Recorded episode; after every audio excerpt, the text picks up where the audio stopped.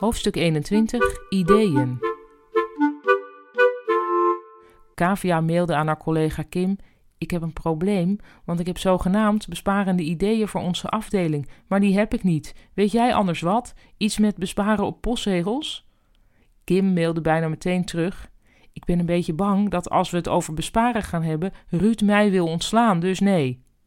Kavia antwoordde: Oh, sorry, zo had ik er nog niet eens over nagedacht. Maar ik weet bijna zeker dat hij mij eerder wil ontslaan dan jou hoor. Nu werd Kavia zelf ook zenuwachtig. Ze googelde besparen communicatie en kwam tips tegen als: betrek alle geledingen van uw organisatie en vraag ideeën en input van iedereen voor een slimmer en goedkoper communicatieproces. De rest van de dag besteedde Kavia aan hopen dat Ruud haar zou vergeten. Maar om half vijf zei hij: Kavia, nu even naar de vergaderruimte.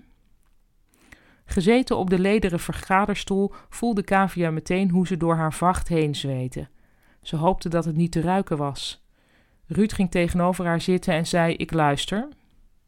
Op de tv zouden ze er nu een krekelgeluid onder monteren, dacht Kavia.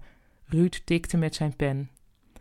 Kavia schraapte haar keel en zei: Ik denk dat het handig zou zijn uh, als we iedereen om input vragen voor een slimmer en goedkoper communicatieproces, zodat het communicatieproces zeg maar slimmer en goedkoper wordt. Ruud zei: Een ideeënbus, zeg maar. Kavia knikte: Ja, maar dan een ideeënbus 2.0, als het ware.